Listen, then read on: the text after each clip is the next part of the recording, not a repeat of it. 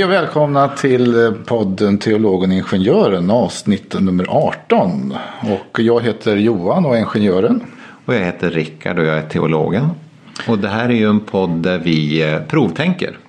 Provtänker i området eh, teknologi och teologi. Och dagens tema ska ju handla om den digitala gudstjänsten.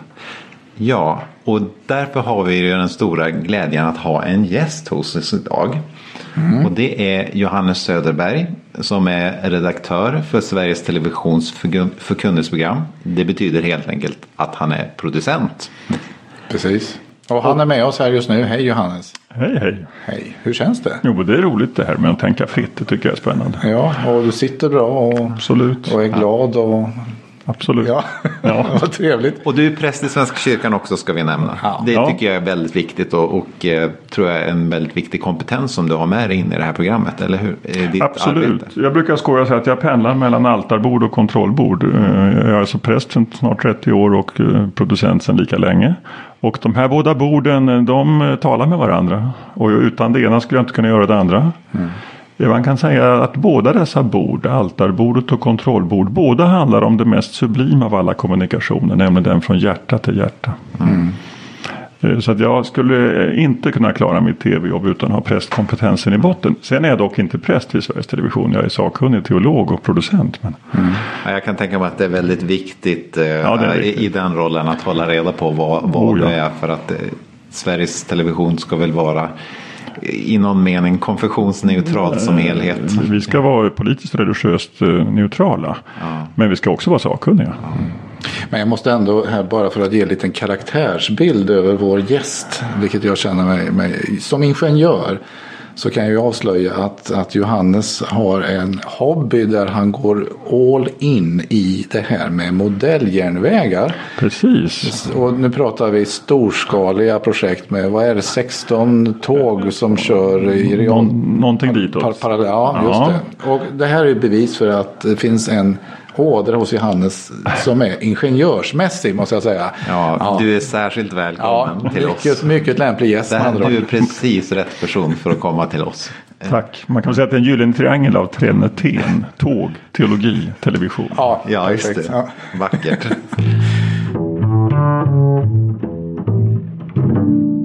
Jag har ju pratat med ganska många människor genom åren som har tittat både på tv-gudstjänster och radiogudstjänster.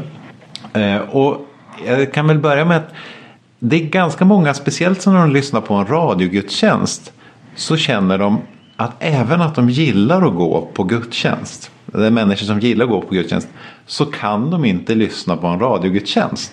De slår av och byter kanal. Och det här har hänt mig också måste jag erkänna.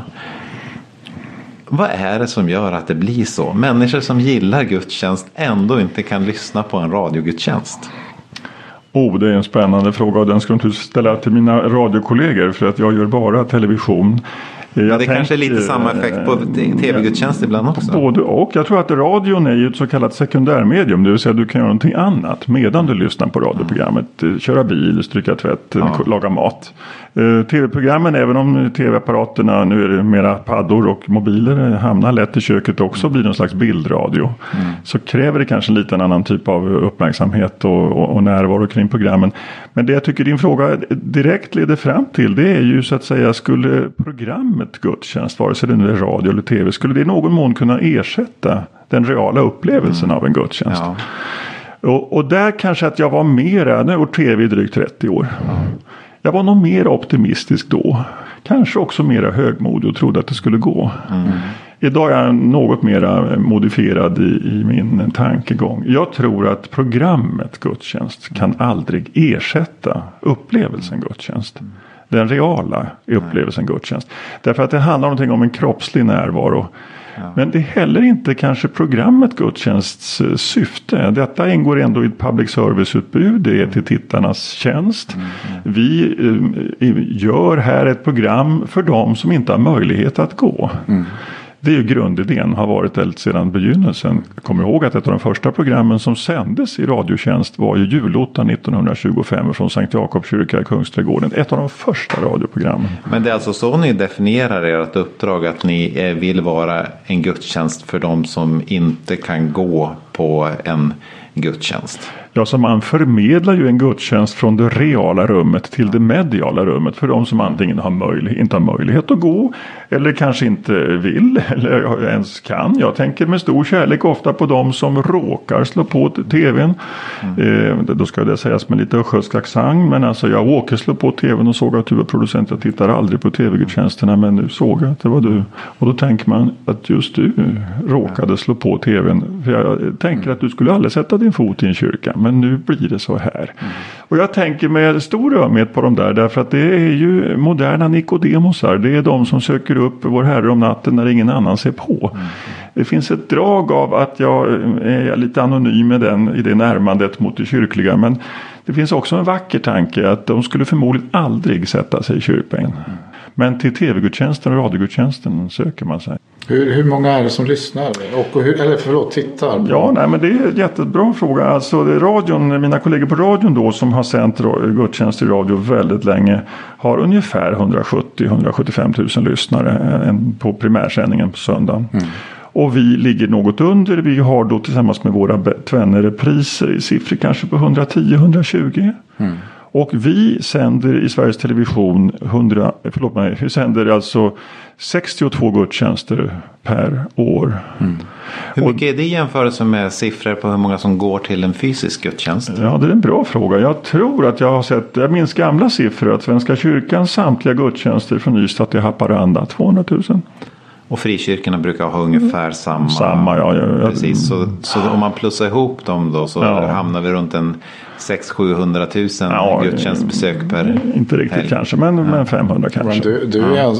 du, levererar ju för en tredjedel av den gudstjänstfiran. Ja, så man kan lägga på så stämmer ja. ju. Att det är tillsammans med precis. Så att mm. 250 000 kan man säga då om man lägger ihop radions och televisionens siffror går i kyrkan via media. Mm. Det är en väldigt intressant siffra i ett land som vårt. Mm. Ja, väldigt. Jämför med Norge till exempel. Mina kära kollegor på NRK de sänder 80 gudstjänster i år. 8. Åtta? Och, och vi sänder 62. Per söndag. Och då är det, kan man säga att eh... Det är ju högtiderna som de bevakar i direktsändningar och vi gör ju en annan typ av produktion mm. där vi har valt att göra eh, kvantitet med kvalitet naturligtvis men vi har ju volym på ett annat sätt än mm. vad våra kollegor har. I Finland där är situationen sån att ungefär 35 ehm, finskspråkiga eller finsktalande gudstjänster och 10 finlandssvenska. Mm. Så gör 45 och danskarna kör 42 om jag minns rätt nu. Mm. Men om en tredjedel av gudstjänstbesökarna väljer då att göra det över eh, någon typ av medium. Mm.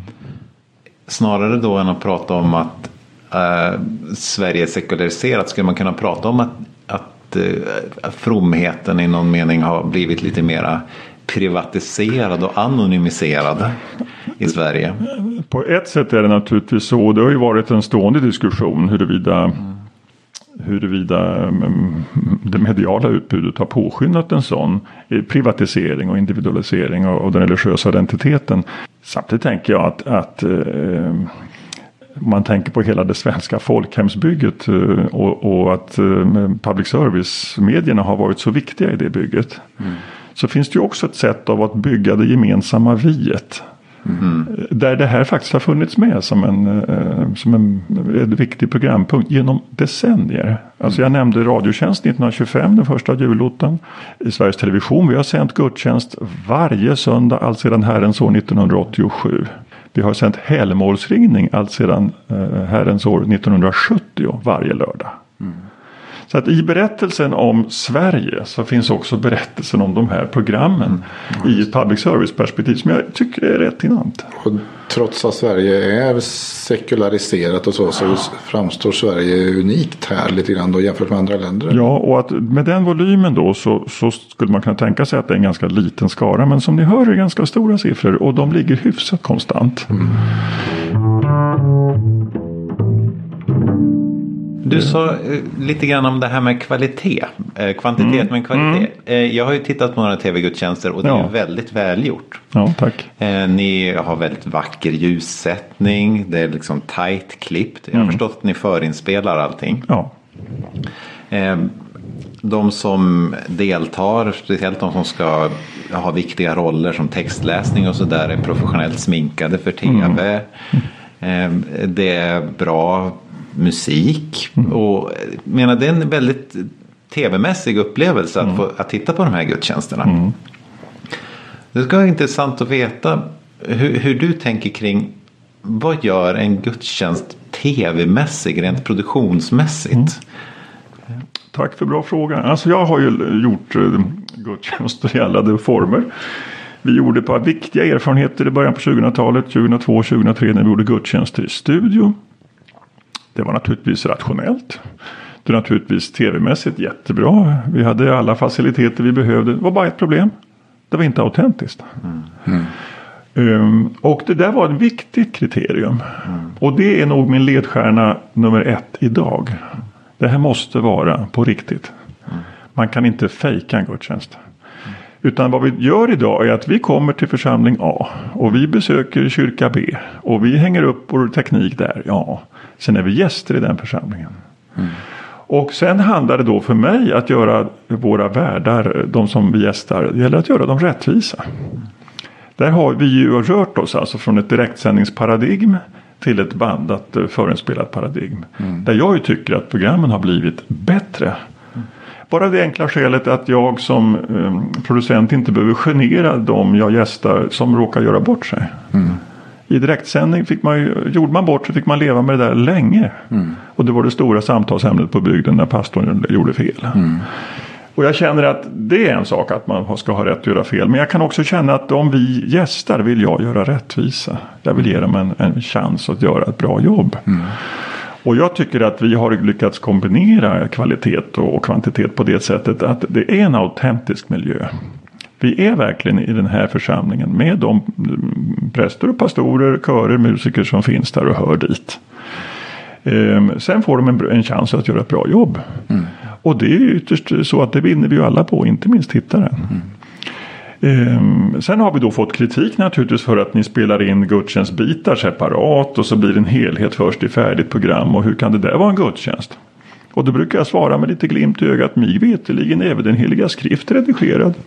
Och, det, och det har gått ganska bra. Ja, precis. Jag tycker Men alltså, jag tänker, det finns ju vissa gudstjänsttraditioner där improvisationen är ganska viktig. Till exempel karismatiska traditioner eller kväkartraditionen eller sådär. Ehm, Hur jobbar ni om ni vill jobba med en karismatisk församling? För ni jobbar ju med ganska många olika gudstjänsttraditioner. Absolut. Nej, men alltså, vårt uppdrag är ju, mm, jag ska strax svara på frågan, vårt uppdrag är ju alltså att göra en geografisk resa under året från norr till söder. Och en ekumenisk resa. Från ortodoxerna till pingstvännerna kan vi säga. Och det gör ju att vi är ju väldigt flexibla i vårt produktionsteam.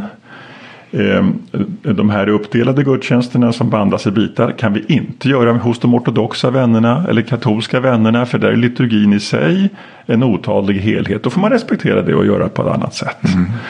Medan när man är hos de karismatiska vännerna, ja då får man go with the flow helt enkelt. Vad händer? Och så får man försöka vara rättvis mot det sammanhanget och hänga på. Så ni, jag tänkte, för när, när jag har sett, de gudstjänster jag har sett har sett ganska mera repeterade ut. Och så, där, så att det är väl förberett. Så då har jag tänkt att, att ni har liksom behövt säga att nej men just den här gudstjänsten får ni inte improvisera lika mycket som ni brukar göra.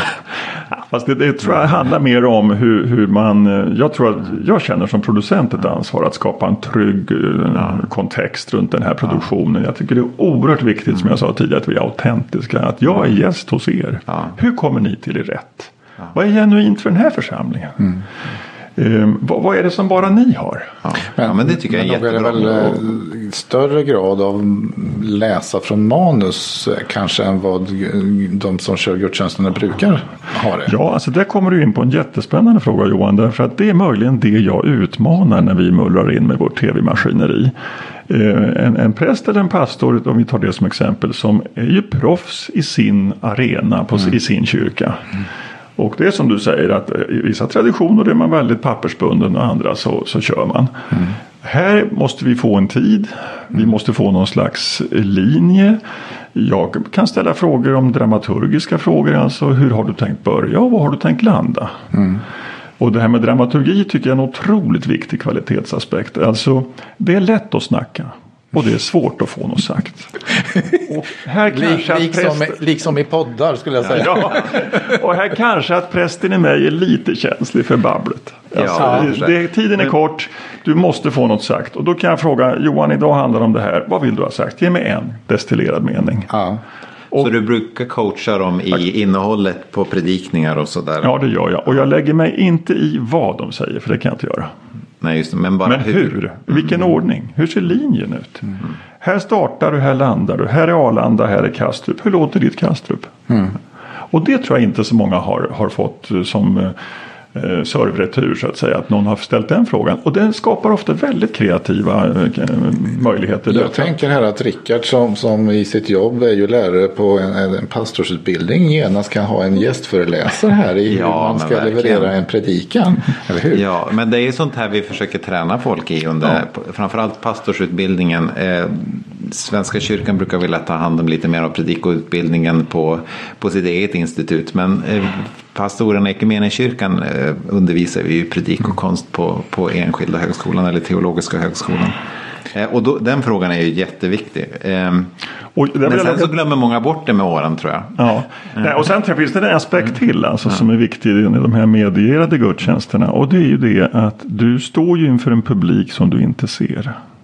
Du står till och med inför en publik du inte själv känner.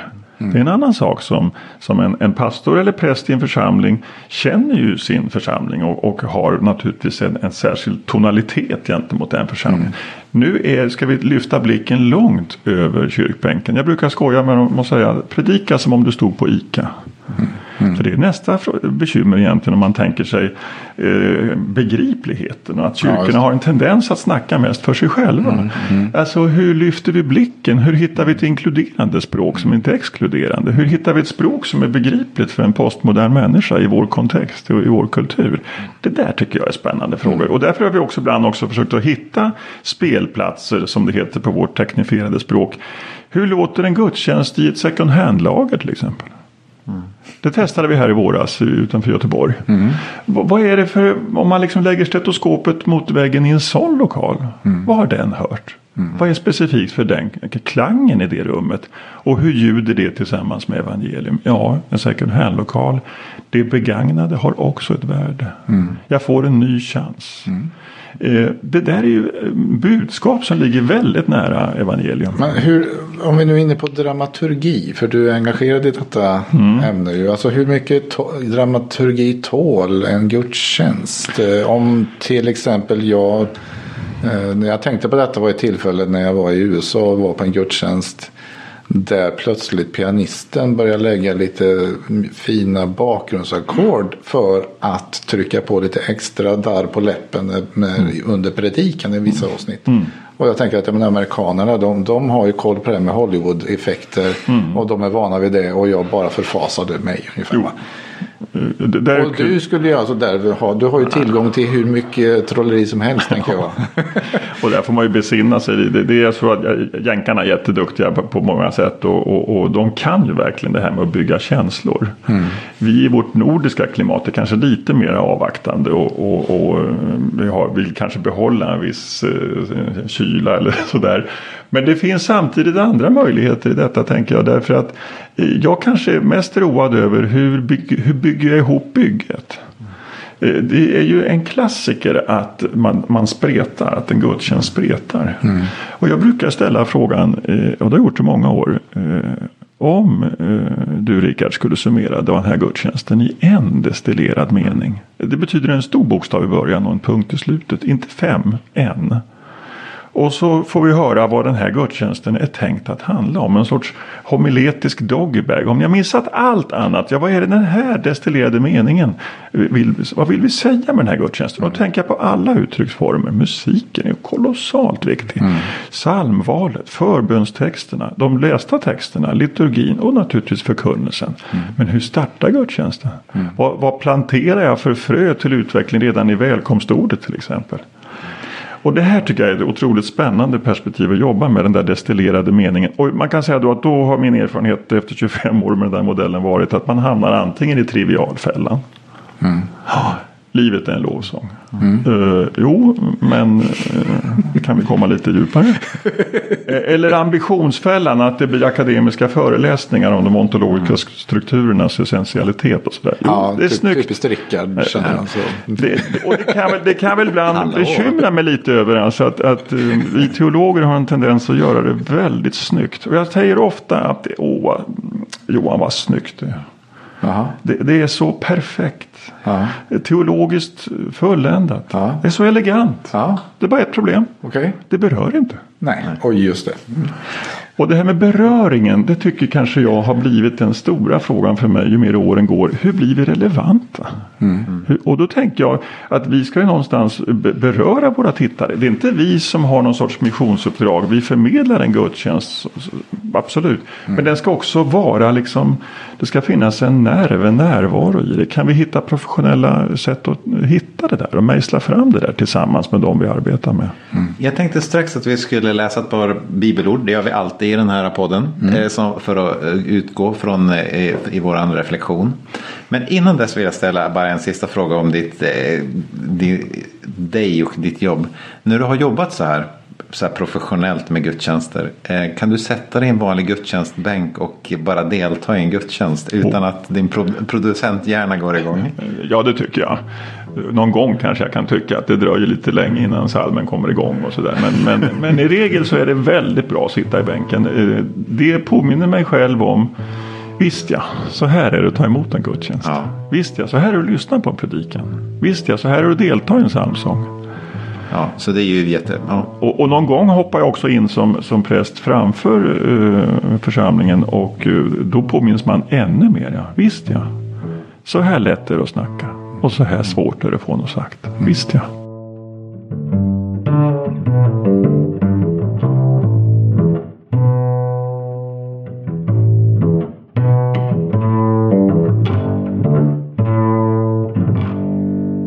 Jo, vi tänkte att vi skulle prata lite mer principiellt om det här med att gudstjänsten så som vi traditionellt har föreställt oss den det är ju att man träffas i en byggnad tillsammans. Ett antal människor och så är man inför Gud i denna byggnad. Men redan i Gamla Testamentet så finns det ju en slags tveksamhet inför byggnaden. Ehm, redan till exempel Jesaja skriver i kapitel 66 att så säger Herren, himlen är min tron och jorden är min fotapall. Vad för ett hus kan ni bygga åt mig? Vad för en viloplats? Tanken på att det går inte riktigt att få in Gud i templet. Och när de ska bygga templet så är de ju tveksamma till om de överhuvudtaget ska bygga ett tempel. För att Gud sträcker sig ut över hela universum. Man brukar säga att Gud är transcendent. Och hur ska man då någonsin kunna bygga en plats som är lämplig för att tillbe Gud? Men man gör ju det till slut ändå. För man känner ändå att man behöver en plats. Och den här spänningen mellan att Gud är utöver allting men samtidigt särskilt på något sätt på en plats uttrycks till exempel i psalm 11 med den här, det man brukar kalla för en poetisk parallellism. Två saker som säger två aspekter av samma sak. Och det är Herren är i sitt heliga tempel. Det är den ena delen av parallellismen. Och sen fortsätter han. Herrens tron är i himmelen. Det vill säga på ett sätt är Gud i sitt heliga tempel men egentligen eller på ett annat sätt så är Gud i himmelen och sträcker ut sig över hela. Och så fortsätter ju eh, de här tankarna med hur Gud liksom är närvarande i hela skapelsen och sådär. Eh, Eh, tänkte att de här bibelorden kunde vara lite ingång för vår diskussion kring den här frågan om hur viktigt är det det här med att samlas i en konkret byggnad, flera stycken tillsammans med sina kroppar för att det ska vara gudstjänst. Vad är ditt perspektiv på det här som just producent av tv-gudstjänster? Ehm, låt mig haka tag där i, i berättelsen om Jerusalems tempel. Eh, och jag tänker på, på eh, de här tre rummen som liksom tät, förtätas och så går man in mot det allra heligaste som var en, en kub fylld av mörker 10 gånger 10 gånger 10 meter. Och i detta allra heligaste sades Gud bo. Mm. Men det här är ju en glimt i ögat, det, det är humor. Som om vi kunde tro att vi kunde förvara Gud eller låta Gud som du säger i, i, i texten också där vila på en plats. Men Gud är ju alltid större, det är därför det är mörkt. Det är större än våra begrepp, än våra ord, än, våra, än vårt ratio, än liksom vår, vårt förnuft. Det tycker jag är den där metaforens djupaste dimension. Samtidigt som ju templet är en mötesplats. Och då inte bara mellan Gud och människa utan också mellan människa och människa. Jag tror gudstjänsten är otroligt viktig att få, få dela liksom rummet, bokstavligen andas samma luft. Sjunga samma psalm, läsa med i samma bön, ta del av samma liturgi. Jag tror att det där är något som eh, Alltså templet i sig, kyrkan i sig, gudstjänstrummet i sig går inte att ersätta. Och som jag sa tidigare, jag kanske tyckte för många år sedan att det här med tv-gudstjänst det var jättespännande och det, det skulle vi kunna så mycket mer än vad kyrkorna kunde. Idag skulle jag kunna säga att kyrkorna kan det mesta bättre. Eh, man möts fysiskt i ett rum. Man ser varandra i ögonen. Jag hör dig sjunga. Jag hör den andra be. Jag faller in i det. Vi delar samma liturgi. Idag skulle jag säga att om vi tar tv till exempel så kan vi egentligen bara två saker bättre än gudstjänsten i sig. I övrigt är kyrkorna absolut bäst på detta med gudstjänst. Men vi kan två saker. Okay. Och det ena är att vi kommer nära. Och nu tänker jag på tv-optik. Vi kommer nära eh, vackra bilder. Vi kommer nära det som händer. Vi ser pastorn, predikanten eh, på närbild. Vi ser solisten i närbild. Vi kommer så nära som vi aldrig skulle göra om vi ens satt i det reala rummet. Och det hör ju till den här servicen att förflytta gudstjänsten från det reala rummet via det mediala rummet till hjärterummet. Det är någon sorts mm. tresteg där som är spännande. Mm. Men det ena är som sagt vi kommer nära och, och så är det ju med tv. Mm. Det är ju grejen lite grann. Det andra är att vi når många. Mm. Radien är rätt stor. Mm. Alltså en helgmålsringning hos oss den går varje lördag allt sedan Herrens år 1970. Ja, ungefär 300 000 ser den. Mm. Mm. Det är rätt stor skara. Mm. Och, och, det är det här som man kanske måste då vara lite balanserad i och se att vi når många, ja. Vi kommer nära, ja. Men ersätter det gudstjänsten? Nej. Mm.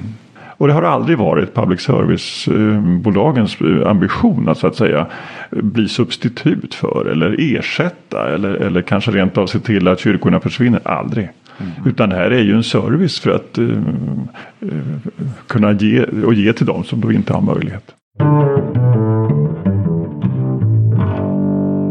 Nu ska vi då ta in lite perspektivet då att vad ny teknologi mm. Eh, erbjuder. Mm. Och, och man kan ju också då säga att ny teknologi har ju förändrat vår vardag. Eh, för att inte tala om eh, alla dessa sociala medier och hur vi beter oss och mobiltelefoner. Och det betyder ju att vi i större grad umgås i det virtuella rummet eller vad man ska säga än vad vi gjorde tidigare. Mm. Jag tänkte fundera på Rickard och även Johannes naturligtvis. Skulle vi kunna ni är ju mer eh, så att säga eh, har erfarenhet av vad det finns för, för nya påfund i hur man kan, kan fira gudstjänst. Där kanske vi skulle kunna nämna det lite grann för att liksom, vidga vyerna lite. Ja, får jag berätta en berättelse? Ja. Jag prövade ju att gå in på en kyrka från USA som heter Life Church.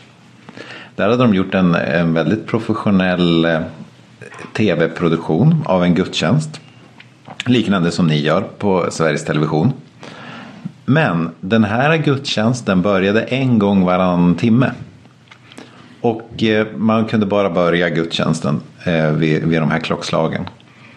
Och då rullade TV gudstjänsten igång i ett fönster.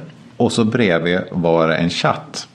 Och den här chatten var inte bara att alla som råkade se på den här gudstjänsten eh, kunde skriva där. Utan det fanns gudstjänstvärdar från församlingen i den här chatten som, som var aktiva och försökte ta tillvara på folks frågor. Och sådär. så att det var ett sätt att försöka skapa någon typ av närvaro i gudstjänsten. Det som, det som hände dock var ju då, det var många som var närvarande och, och bad om förbön och allt möjligt sådär i den här chatten. Men det kom ju också in folk som ja, det var någon som ville övertyga folk om att Gud inte fanns. Mm. Som började skriva i den här chatten. Eller att, eller att just den här församlingen var lurendrejare var det någon som kom in och ville liksom övertyga folk om. Och ytterligare någon person som passade på att eh, berätta att eh, hon var på väg att begå självmord. Så, så chatten översvämmades ju lite grann av både olika typer av eh, försök att få fokus på ett annat håll än, än själva gudstjänstfirandet. Mm. Eh, nu, vet, nu kan det ju ha varit så att den här som pratade om självmord verkligen var på väg. Men det kändes som att det var någon som mest stod där och försökte vara ett troll på nätet. Eh, så, så det, det var ju ett tappert försök till att över nätet skapa ett delaktighet och ett deltagande i gudstjänsten. Men det verkar ju vara lite svårt. Mm. Kan man tänka sig virtuella gudstjänster? Och att man lever med, eh, i en virtuell värld där man firar gudstjänst virtuellt tillsammans med sin avatar. Vad, vad, vad tror du om det Rickard? Det finns ju. Det gör det? Ja.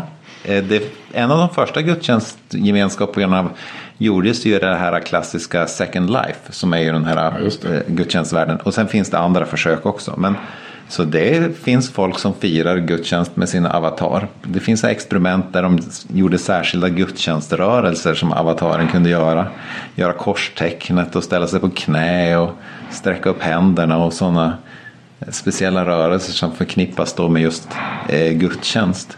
Men, men eh, har vi då något mer, ja, om man nu tänker sig eh, eh vi blir mer och mer bundna vid våra mobiltelefoner och lever mer av vår fritid i i ja. det sociala. Vad, vad, är, finns det något exempel där man, ja du hade det där man sänder en gudstjänst med en chatt, men finns det då andra exempel där man jag minns för många år sedan, jag tror det är borta nu för jag hittar det inte längre. Men då fanns det ju också en amerikansk sajt som hette Simple Faith Church. Okay. Som man kunde ansluta sig till och där kunde man fira någonting som heter e-communion. Okay. Och då kände jag att nu börjar man alltså, tänja på begreppet. Elektroniskt nattvard. Just det. Ja. Och, och, och, det där kände jag, det, det provocerade mig lite grann. Därför att eh, mediet är ett fantastiskt verktyg. Mm. Det har enorma möjligheter. Mm. Men man måste också vara lite vaken över begränsningarna. Mm.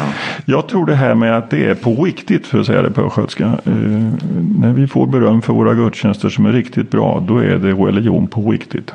Mm. Och det har inte sällan handlat om sårbarhet, om brister, om repor i lacken, om misslyckanden. Mm. Därför att där någonstans blir det här på riktigt. Det blir inte så polerat, det, det berör som vi var inne på tidigare.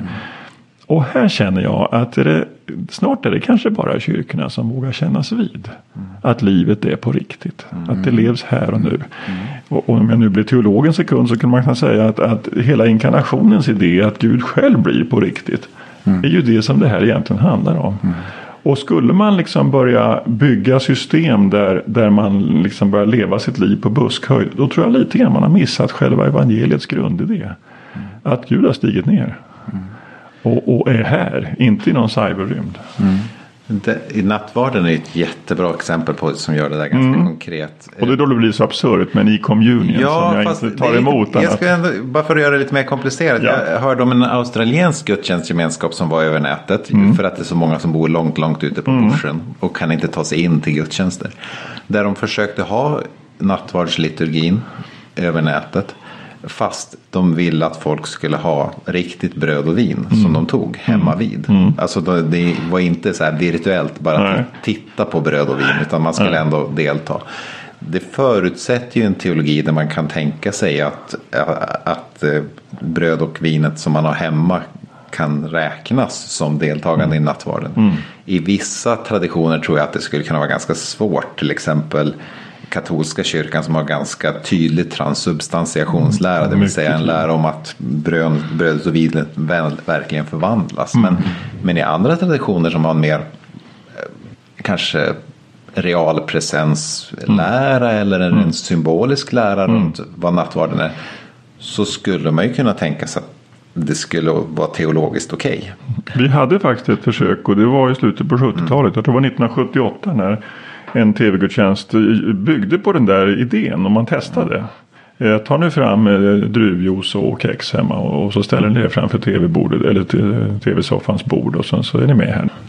Mm. Och det där vart ju väldigt intressant naturligtvis därför att det väcker ju tankar om vad en kyrka är. Vad vad är ett sakrament? Vad, vad är ett ämbete som förvaltar detta sakrament? Och, och jag, jag, tror bara det hände en gång för att det, det vart sådana responser efter det. Och kanske också att det var viktigt memento för, för mina kollegor vid den tiden att, att uh, Sveriges Television inte är ett SAMF. Mm, det är ett mediaföretag som förmedlar eh, en gudstjänst som andra äger. Vi äger programmet gudstjänst. Mm. Men församlingen äger ju alltid gudstjänsten. Mm. Och så här, riten vart för konkret? Riten blev kanske vulgariserad tack vare mediet skulle jag säga. Fast och inte, provocerade inte, alltså. Ja, precis. Mm. Vulgariserad. Eller så är folk bara ovana. Jag tänker mig, jag tänker mig att det finns någon slags demokratisering eller inklusivitet i det där med folk mm. som är långt, långt ute på landet som ändå kan få alltså, och, alltså, jag delta. Tror att du har rätt så tillvida att liksom, eh, i, i en luthersk kontext som vår då fungerar det här med att man delar ordet eftersom det handlar mm. om att vi ska ha öron. Eh, men när det kommer till det sakramentala så är ju mediet mycket mer begränsat. Ja. Alltså vi kan mycket i, i, tv men att hälla bröd och vin i sladdarna är lite svårt. Ja. Och där måste man liksom vara lite vaken över att det, det, här går inte att ersätta på det sättet. Eh, sen har jag underbara diskussioner med, med eh, vänner som tänker att det här är nu verkligen en, en katolsk gudstjänst med bröd och vin som nu de facto blir Kristi kropp och blod om vi bandar den och sänder den senare. Mm. Är det fortfarande? Det finns Youtube-filmer med katolska Youtube-filmer med eh, där de har alltså filmat det konsekrerade brödet och vinet. Så, Konsekre- du sa ett ord där. Alltså att det har förvandlats till Kristi kropp och blod. Mm. Jag förstår. Mm. Ja. En bra fråga. Det är bra att vi har teknologerna med oss. Ja, alltså jag, har, jag, jag behöver vara lite mer på då, hugget här. Sy, ni, ni, svävar ut med ert fikonspråk. Ja. Och, och syftet med denna, eh, den, denna video är helt enkelt att man ska kunna få vara inför brödet och vinet via en YouTube-film. Och liksom, mm. Precis som man är. Men det är en stillbild fast ändå film. Det, ja, precis. Ja, men det där är jätteintressant. Ja. Och alltså, vad vet vi? Det är ju samtidigt så att, att eh, just den där frågan eh, vart ju väldigt spännande egentligen. Därför att kan eh, sakramentet sträcka ut sig i tiden och rummet? För att Erme hade sänt en katolsk gudstjänst live Mm. Så behöver det fem sekunder för att åka upp till satelliten och komma ner hemma i stugan. Eller... Och redan där måste den helige ande sträcka ut sig i tiden och rummet för att det här ska fungera. och mig veteligen är det väl det som hör till helige andes väsen. Just detta att kunna sträcka ut sig i tiden och rummet. Så det är ett ganska bra argument sen när man börjar diskutera gudstjänster som sådant. Och i förlängningen också på det jag skojade om förut. Att om man verkligen kan anse en hopklippt gudstjänst för en gudstjänst. Det är klart att när, när jag läser ett redigerat bibelord. Mm som är redigerat för mycket länge sedan. Mm. Och, och, det fortfarande berör oss. Alltså, då, då, kan jag se också att det, det kan ju hända med ett program. Mm. Eh, så, så, vi ska heller inte sätta oss till doms över de stora mysterierna. Samtidigt är jag nog själv lite sval inför de här överdrivna romantiserade teknikdrömmarna över hur tekniken. Ersätter eh, in real life så att säga. Ja, jag kan bara som en liten eh, anekdot från universitetsvärlden. Jag känner att jag behöver vädra här lite. Ja. Eh, vi befinner oss i Linköping just nu när vi gör den här inspelningen. Och i, i Linköpings universitets barndom så var det ju så det här fantastiska experimentet med tv-baserad mm. föreläsning. Det vill mm. säga Eh, studenterna gick fortfarande till universitetet och satt då i lektionssalar som var fulla med tv-monitorer därför att man hade stängt in föreläsaren då i en studio som då stod inför kameran och föreläste i tv-apparaterna som var då och det kanske fanns möjligtvis någon eh, kapacitetsmässig eh, fördel i det. Men det där var ett totalt misslyckande faktiskt. Intressant. Det, det och varför föll det? På, på, på tvn. Ja, som... Och varför föll det? Skulle du säga. Vad berodde det på att det inte funkar? Vad fattades? Ja, det kanske är dels att sändningen inte blev så, så bra. Jag tror att man med tanke på de där hängde kvar när jag gick och studerade. De där tv-monitorerna hängde kvar. Eh, jag tror man tappar fokus och börjar liksom mm. tänka på annat som student. Mm. Jag vet inte riktigt vad orsakerna var men, men men ibland så är det ju som sagt en överdriven tro på teknik och mm. det här att man helt enkelt tar sina anteckningar och, och ser till att man står vid en vanlig svart tavla och börjar prata och möter studenten i ögonen är ganska bra faktiskt. Men det här med fokus tror jag är ganska viktigt om vi bara ska tala i liksom mänskliga termer. Eh, för det som händer när man går in i en lokal, en föreläsningslokal eller en gudstjänstlokal är att man, man ser den andra människan med alla de här små detaljerna. Man är medveten om alla andra människor som ser en själv. Man inser att man är med i en gemenskap som har som gemensam uppgift att delta i den här aktiviteten. En gudstjänst eller en föreläsning och sådär.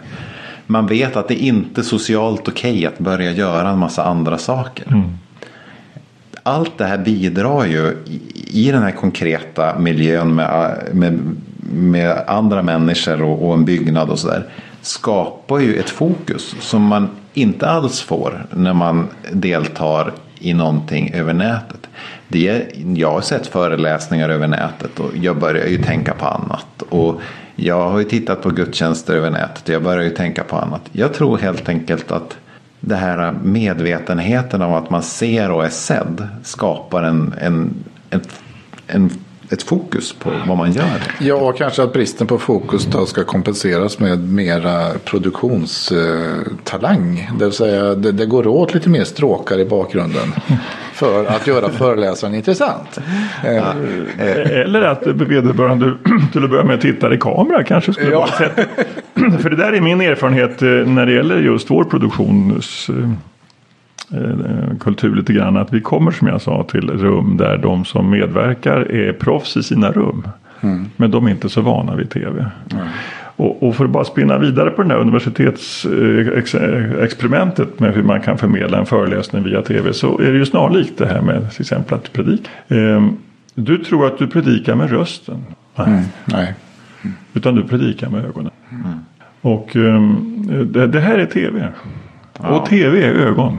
Ja. Och det, du tror att du sjunger solo med rösten? Ja, förvisso, men ännu mera mm. ögonen. Och det här är otroligt intressant därför att jag tänker ju att mm, vi kodar ju, särskilt i en postsekulariserad tid som vår, när vi har förlorat det kyrkliga språket. Eh, eh, när vi har förlorat de här koderna som gör att vi förstår den här, det här spelet, det här dramat, den här liturgin. Så blir de här basala, grundmänskliga eh, sensoriet så mycket viktigare. Är det här en person som jag litar på? Är det här en person som är hemma hos sig själv? Är det här en person vars ord jag kan ta till mig för jag hör att de är på riktigt? Det här kodar man i ögonen. Ja. Mm. Och inte i tonfall eller om det är utan till eller om det är, är, är fladdrande bakgrund eller stråkar i botten. Nej, det är mycket enklare. Mm. Och jag tänker att det här är egentligen inkarnationsteologi på högsta nivå. Därför att om jag ser i ögonen på den som talar att nu minns kroppen. Mm. Det den här förkunnaren talar om eller det den här sångaren sjunger om. Det har gått genom den här människans kropp. Mm. Och det här minns kroppen. Och mm. det ser jag i ögonen. Det där är en kvalitet som jag eh, är lite mån om som tv-producent. Därför att får man, eh, får man till det där då väcker det en, en autenticitet och en äkthet som inte går att fejka utan bara är där. Mm.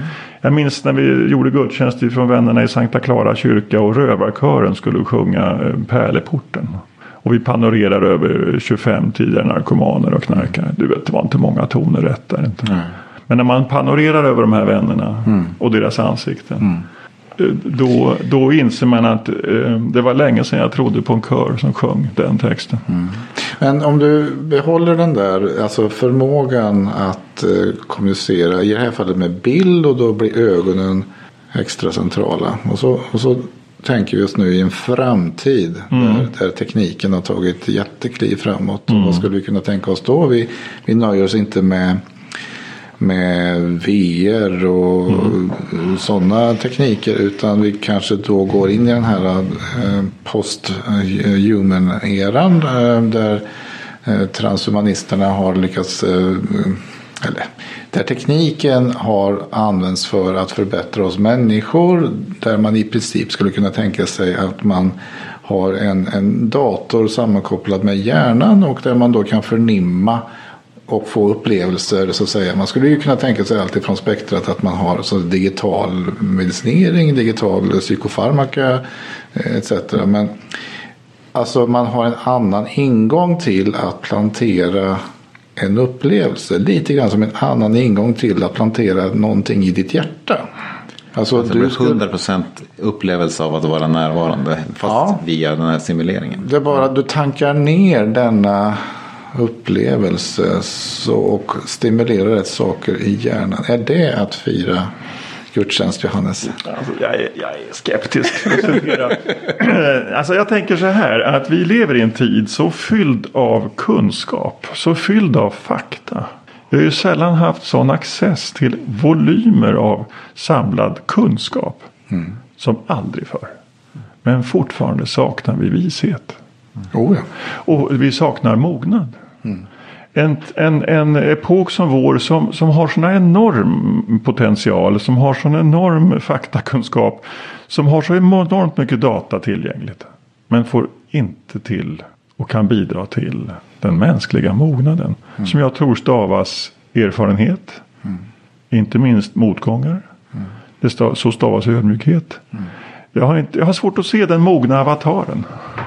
Fast jag tror att det blir jättestor skillnad här, i det här fallet. Det du, om din eh, vision här av att en total eh, upplevelse. Om den är att du tankar ner din privata gudstjänst som du liksom konsumerar genom det här. Eller om du loggar in på en gemenskap där du faktiskt interagerar med andra människor som mm. upplever dig 100% och du upplever dem 100%. Då är det ju i princip så att man skulle kunna bygga en teknik som inte är särskiljbar från annan närvaro inför varandra. Så jag tror den springande punkten här är egentligen gör man det tillsammans eller gör man det själv som en, kons alltså en envägskonsumtion? Mm, det är jätteintressant. För att alltså, bidrar det till privatiseringen eller individualiseringen och därmed isoleringen så tror jag inte det är godo. För det här är ju per definition kommun. det här är gemenskap. Det är, det är sammanhang. Jag kan eh, bara en sån app som Tidegärden som, som jag följer. Alltså, där står det att nu har eh, man trycker på ammen efter sin tidebön. Ja, nu har 210 personer gjort som du. Ja. Det påminner mig om att okej, okay, då är vi några stycken. Ja. Eh, men samtidigt så skulle jag ju aldrig säga att det där skulle ersätta gudstjänsten. Eller, men det blir ändå någon slags um, tillhörighet som på ett sätt är virtuell men som fortfarande består av 210 personer. Din fråga Johan är jättespännande och det blir provocerande mot mig hör jag för att om man ska säga att nu har 350 avatarer tyckte det var kul att du var med i en sån. Ja, ja. Är, är det något, kvalitativt något annat då? Eller? Ja, så vi kan vara, fortsätta och vara lite provocerande. Och det här, kom, det här har jag lånat från Rickard. För när vi pratade om AI ja.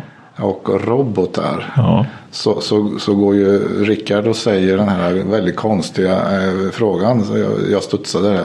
Ja, vad händer när en robot kommer och ber att få bli döpt? Mm. Va, vad händer med dig då? Nej men alltså jag tror att det där är, det där är, är, är buskhöjd för mig. Alltså det ja. börjar sväva. Ja. Och jag känner att det där blir ju roliga frågor. Men, men återigen eh, det som roar mig är vad händer i de mm i de kroppar vi själva är som människor. Jag tycker kanske fortfarande att det är det, det paradoxala med, med kristen tro. Det, det, det vansinniga, det galna, det provocerande med kristen tro. Mm. Är ju att, tror... är, för bara säga, det är ju att, att Gud har blivit kropp. Mm. Och jag tänker att det är ofta där som jag känner att det blir väldigt berörande och trovärdigt. Inte minst när, när dessa skröpliga kroppar och de människor vi är inte räcker till och inte lyckas. Mm. Var, har, har, en, har en avatar behov av barmhärtighet? Mm. Mm.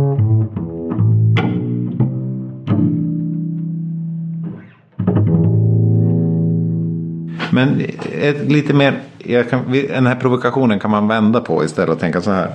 Vi har ju pratat mycket om det här med anonymitet. Mm. Alltså för att man kan ju fira gudstjänst på ett ganska anonymt sätt. Men man kan också göra saker även över nätet i den digitala gudstjänsten för att det ska bli mindre anonymt. Öka in, interaktionen och sådär. Eh, en fördel med anonymiteten det är ju till exempel, tänker jag mig, vid en bikt.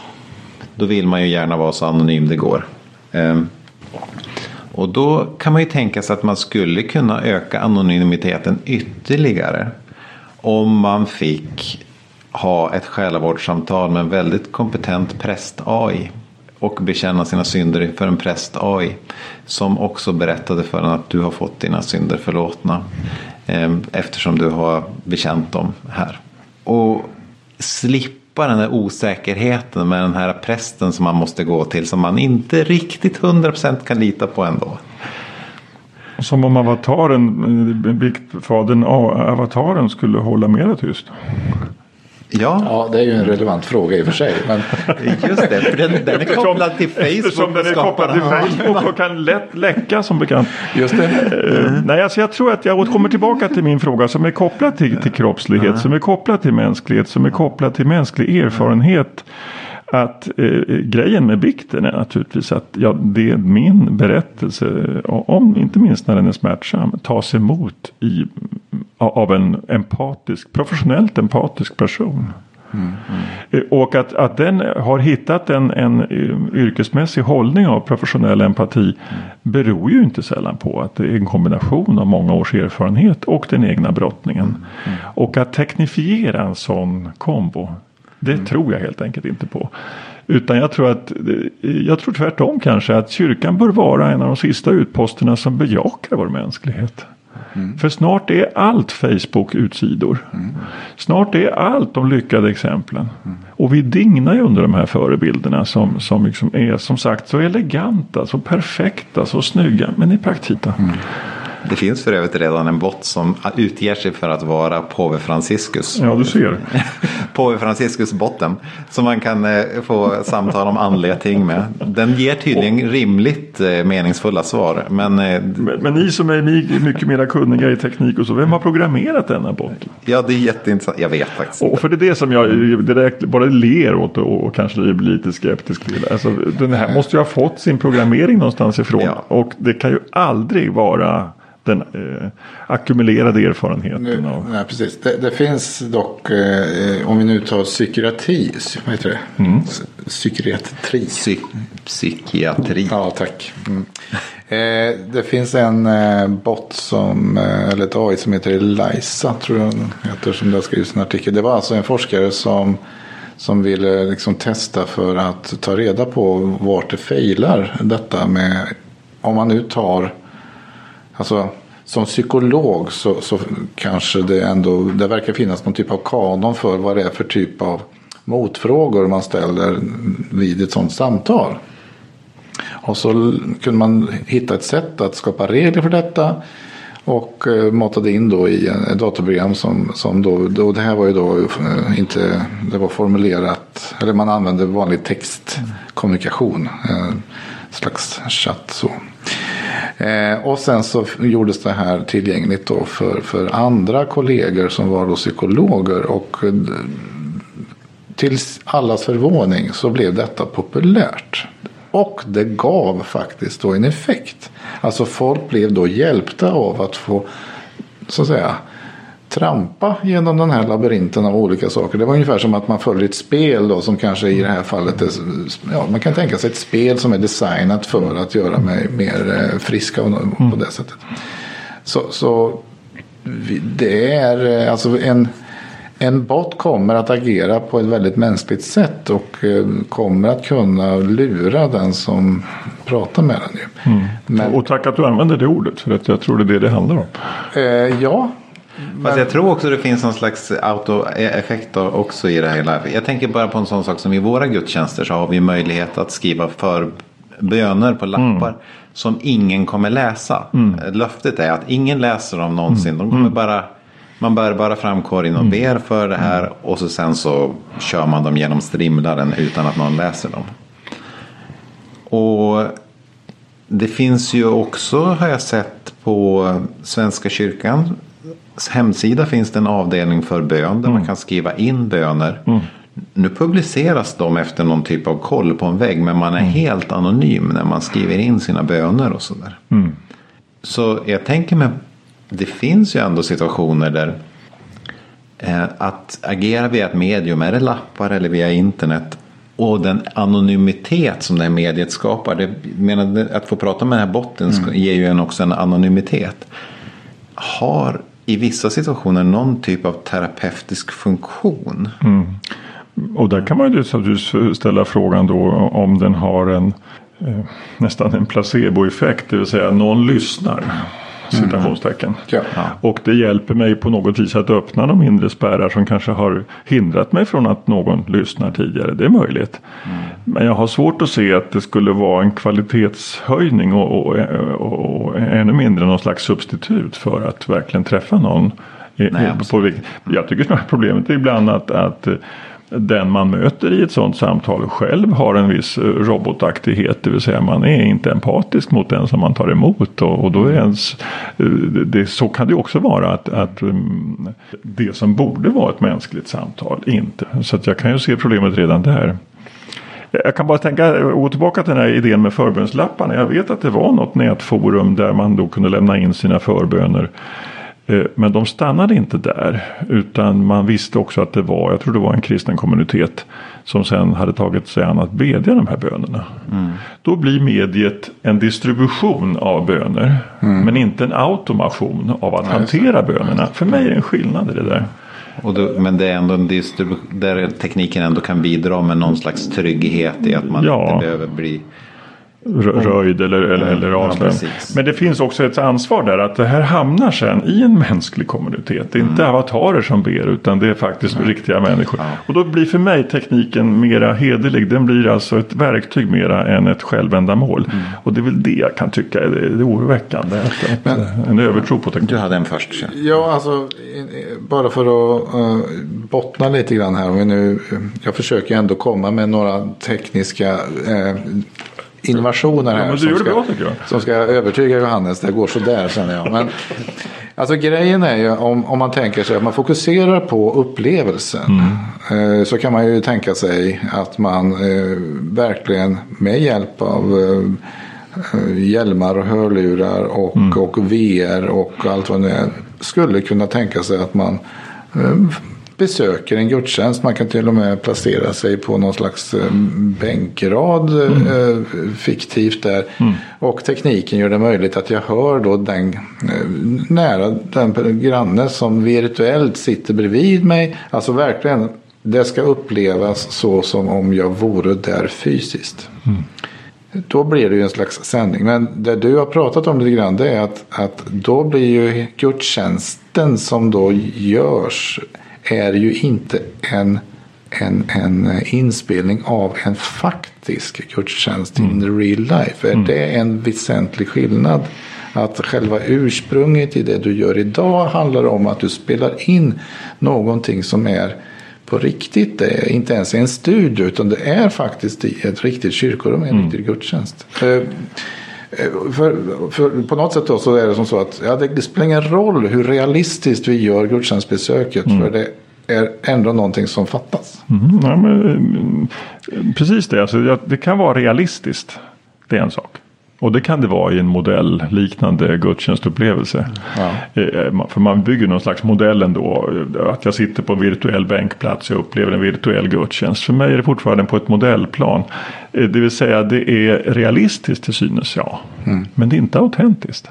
Det är det inte. Och, och, nej, för mig är det inte det. Utan för mig är autenticiteten eh, när det gäller våra program till att börja med otroligt viktig. Och det gjorde att vi lämnade studion. Därför att det gick mm. inte att göra det trovärdigt längre. Mm. Utan, utan det går inte att skapa ett fejkat gudstjänstrum. Mm. Och inte minst vart det där intressant därför att vem är avsändare av detta fejkade gudstjänstrum? Mm. Det var nästa sak. Men jag tänker mig ändå att det skulle, jag är nog mer, jag, jag tänker mig att det där skulle kunna bli väldigt autentiskt. Speciellt och då också i princip väldigt viktigt för handikappade och sjuka människor och så här. Um, och i och med att vi redan i utgångsläget accepterade att Gud är i någon mening virtuell, alltså transcendent. Mm. Mm. Alltså han sträcker sig bortom det materiella. Så tänker jag mig att Guds närvaro skulle kunna vara hundraprocentig även i en virtuellt förmedlad gemenskap. Alltså närvaron tror jag är, eftersom vår Herre är omnipresent och är över tiden och rummet. Så är nog inte närvaron problemet. Men det är eh, för det vore förmätet att säga att i en virtuell värld är Gud inte närvarande. Gud är närvarande i upplevelser av det skilda slag. Om det är nu musikaliska, konstnärliga, skönlitterära. Men det jag själv kanske vill fokusera på är ju för den egna verklighetsuppfattningens del. Att, att blir det till slut så att den, den eh, och det är väl hela den postsekulära utmaningen egentligen. Alltså hur kan vi säga med autenticitet och intellektuell hederlighet och trovärdighet att en gudstjänst är inte virtuell. För det skulle ju många naturvetare säga, eller hur Johan? Mm att vad är det här för, för, för trams? Det här går inte att bevisa och det finns inga empiriska fakta kring att Gud existerar. Mm. Vad är det ni håller på med? Mm. Så redan där har vi på något vis en modell av, av mm. eh, virtualitet som, vi, som man kan misstolka att det är det vi håller på med. Men, men det märkliga är ju faktiskt att eh, hur får man det här att bli på riktigt? Mm. Och, och då är vi tillbaka i detta med, med hela den kristna traditionens eh, kärna. Det vill säga att det här är Eh, en så hög grad av verklighet att Gud själv har blivit fysisk. Men erfarenheterna på riktigt, det finns ju en ganska vanlig eh, ett ganska vanligt beklagande hos gudstjänstbesökare det är att det blir aldrig något djup i samtalen vid mm. kyrkfikat. Mm. Man bara pratar om väder och vind. Det är, folk är så tråkiga. Mm. Eh, och så sen så finns det ju de som har erfarenheten att de har hittat eh, andra typer av nätgemenskaper mm. där det teologiska samtalet äntligen kommer igång. Mm. Och, och så finns paradox. det ju folk som har upplevt tvärtom också att ja, över nätet så funkar det inte alls med teologiska samtal. Det går bara pladask. Mm. Så, så där tycks det ju ändå vara som att den kroppsliga gemenskapen är ingen garant för att man kommer varandra in på djupet. Och det kan faktiskt hända att den virtuella gemenskapen ibland leder till att man vågar komma varandra mer in ja, Det där är en intressant aspekt Rickard. Jag tänker kanske att det är egentligen vårt djupa behov av interaktivitet. Det vill säga att jag interagerar med någon annan fysisk person. Det har ju, tycker jag, ändå en, en, en relevant fråga i, i våra gudstjänster i de reala rummen. Vilken grad av interaktivitet har vi där? Mm. Alltså hur ser det ut med, med medverkan i gudstjänsten av de som inte är ordinerade eller eh, har tjänster i församlingen? Vad finns det för möjligheter där? Mm. Ett moment som vi har byggt in i många tv-gudstjänster genom åren är ju den egna livsberättelsen. Alltså att man, så här så. Mm. Ehm, det som i frikyrkligheten ofta kallas för ett vittnesbörd. Den är ju otadlig därför att det är min berättelse. Den går inte att exegetiskt dissekera eller textmässigt kritisera. Den är, den är en fredad zon och jag gillar det där att det finns liksom något genuint bidrag som tas emot med respekt och, och integritet och, och som ändå kan bidra till det gemensamma viet. Men det som jag tycker är förlängningen på din tanke är ju hur ser en grad av interaktivitet ut? Och hur ser graden av interaktivitet ut i våra tv-program? Det är ju också mm. naturligtvis en följdfråga. Vi har ju diskuterat möjligheten skulle man kunna skicka in förböner och så. Men tekniskt löser vi inte det. Och få tillbaka det som en retur. Och den där chatten som jag pratade om. Jag vet inte om ni vill riktigt som public service-företag hantera allt, allt kaos som kan uppstå i en chatt. Och det är just det, hur hanterar man liksom så att det blir ett redaktionellt ansvar i det här som fungerar. Men, men vi kan ju fundera mycket över det vid våra möten. Alltså hur skapar vi en bättre mm. ömsesidighet. För det, det, handlar ju om någon slags blyghet. Alltså att det, det finns väl gott om människor som kan i en chatt via tangentbordet våga uttrycka sig. För det finns en eh, det är bara de orden som avslöjar någonting eller interagerar. Men, men om samma person skulle sitta på ett kyrkkaffe med alla andra intryck och hur man klär sig och, mm. och hur man Den personen skulle hålla helt knäpptyst, mm. inte delta på något sätt. Så att den här mm. digitala tekniken kan ju liksom eh, faktiskt frigöra en förmåga att interagera. Mm. Har vi någon uh, slutfråga nu till ser, Johannes? Nu ser han lite tveksam ut där Johannes. Men i alla fall, jo men vi har en slutfråga. Jag tänker mig. Eh, har du något tips Johannes till dagens kyrkor utifrån eh, allt vad du har i erfarenhet och sådär? Vi som är bedriver verksamhet där det är meningen man ska liksom gå fysiskt till en lokal och fira gudstjänst. Jag tror att man måste bejaka eh, sårbarheten. Det är en sån där tanke jag har. Vi är så duktiga att dela vår eh, perfektionism och de fina ytorna och så. Mm. Där tror jag faktiskt att kyrkan ibland har, har uh, motverkat sig själv. Mm. Därför att i en social gemenskap hör också vissa sociala koder som måste uppfyllas för att få vara med. Och inte sällan de lyckade koderna, de framgångsrika koderna. Eh, där man är rädd för att visa svagheten och sårbarheten. Mm. Därför att, och paradoxalt nog är det ju det som evangeliet i dessa sammanhang handlar om. Mm. Jag kan se att kyrkans framtid den ligger väldigt nära marken. Jag kan med, med uh, Jag kan bara lyfta på hatten för de samfund och församlingar som lyckas med den sociala diakonin. Som jag tror är en framtidsväg. Mm. Jag tittar på Sankta Clara kyrka i Stockholm. Alltså det är bara att lyfta på hatten för det fantastiska arbete de gör. Eh, det som någon tittare skrev tillbaka till oss. Det där hörde du, det var religion på riktigt. Mm. Och varför var det religion på riktigt? Jo, därför att det var nära marken. Det var nära den sårbara människan. Man bejakade också det. Mm. För det är det vi djupast sett känns vid men inte vill visa. Mm. Och jag tror att den här typen att komma ner till den lilla människan och ge varandra utrymme och plats med de brister vi har. Hur kan kyrkan bli öppnare där? För att det blir väldigt höga trösklar med vissa sociala koder. Kanske till och med inkomstnivåer. Mm. Alltså, där tror jag inte minst våra etablerade samfund måste fundera lite. Så en eh, avatar som, som representerar mitt, mitt önskade jag. Mitt, eh, mitt, det, det representerar ingen upprättad mig själv som, som, eh, som man slipper offentliggöra mina sårbarhet så att säga.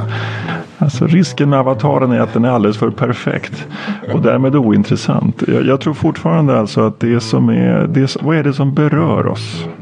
Det är vår djupaste längtan ända sedan vi blev till. Att någon rör vid oss, att det berör, att någon ser mig, att någon är nära. Det är ett djupt mänskligt behov. Hur kan formernas vid vår sårbarhet? Jag tror så här att när vi delar vår sårbarhet då stiger värmen. När vi delar vår förträfflighet då sjunker den. Det tycker jag var väldigt bra slutord. Tack så mycket. Tack. Tack.